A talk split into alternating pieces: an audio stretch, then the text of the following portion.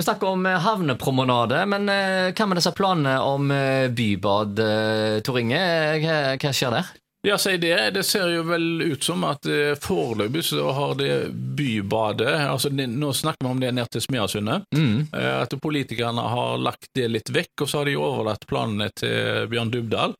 Så han har nå fått grønt lys for å utrede mulighetene for oss å legge et bybad der ved ut forbi uh, høvleriet, eller i nærheten av høvleriet der. Mm. Så det er en kost, en ting er at det koster mye å kjøpe inn, men det skal jo driftes. Mm. Det skal holdes varmt, uh, dette her nå. Høye utgifter til å Med de strømprisene vi har i dag, så ja, ja, så, men det skal bli spennende å se hva han eh, konkluderer med. Så Han er jo flink, han Bjørn Dubdal, så muligens han greier å få det til. Men jeg får ikke håpe kommunen eh, bruker eh, da våre penger til akkurat det. Nå må vi heller konsentrere Ja. oss om å få bygd dette her en eh, folkebadet opp med Flåttmyr.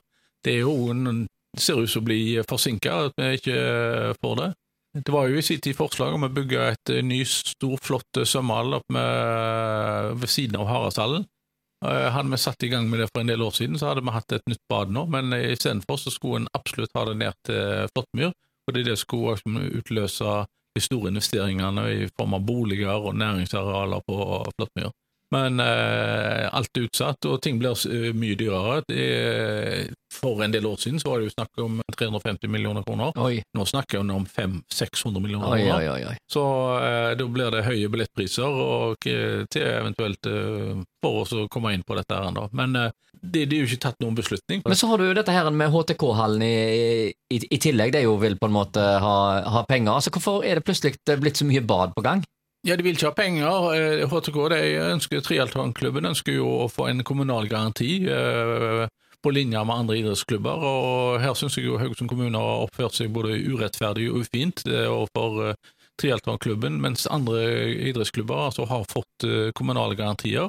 Så har en sagt eh, nei til dette ærendet, og det virker som at kommunen har det har gått prestisje i saken, da, at de har da fått Men har det noe med at en vil ha dette folkebadet på, på plass? Altså at en ikke vil ha konkurranse?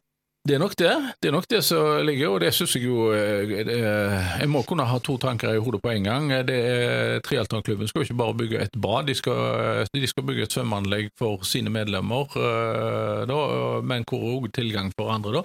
Men òg mer helsestudiovirksomhet eh, og sånt. da.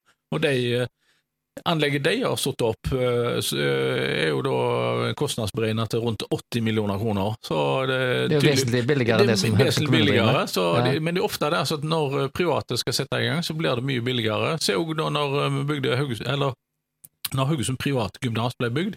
De bygde jo til en kvadratmeterpris som lå langt unna det som en nå snakker om å bygge en skole ved, ny skole ved Haraldsvang. Så hva er det som gjør er det Når entreprenørene ser at det her har vi med det offentlige å gjøre, så kan man liksom legge eh, en null bak tallet Mm. tallet i, i forhold til en uh, privat eh, virksomhet. Så Men det er jo anbud. ja, det er så. Men allikevel så vet de det at uh, her kan vi legge oss en del høyere.